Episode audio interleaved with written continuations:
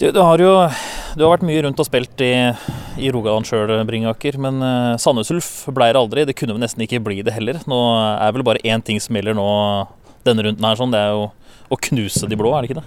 Det stemmer. Det har det alltid vært hos meg. Så alltid vært en rival for meg, Sandnes Ulf. Så vi, vi, kommer for tre poeng. Mm.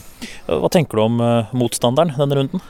Nei, det er jo selvfølgelig en, en god motstander, det er det jo. Men uh, Sånn så eh, laget vi har, så bør vi slå alle lag i uh, Obos-ligaen. Og det er det som er innstillingen vår til denne kampen òg. Mm. Hva tenker du om uh, Ving?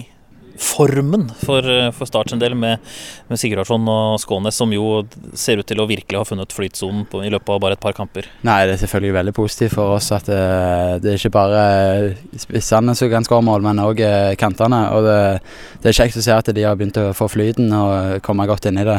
Det gjelder bare med oss, meg og Tobias å få, få noen skåringer videre. Mm. Men hva er det med Sandnes Ulf som gjør at liksom, i hermetegn ingen liker dem? Nei, kjedelig fotballag, enkelt og greit.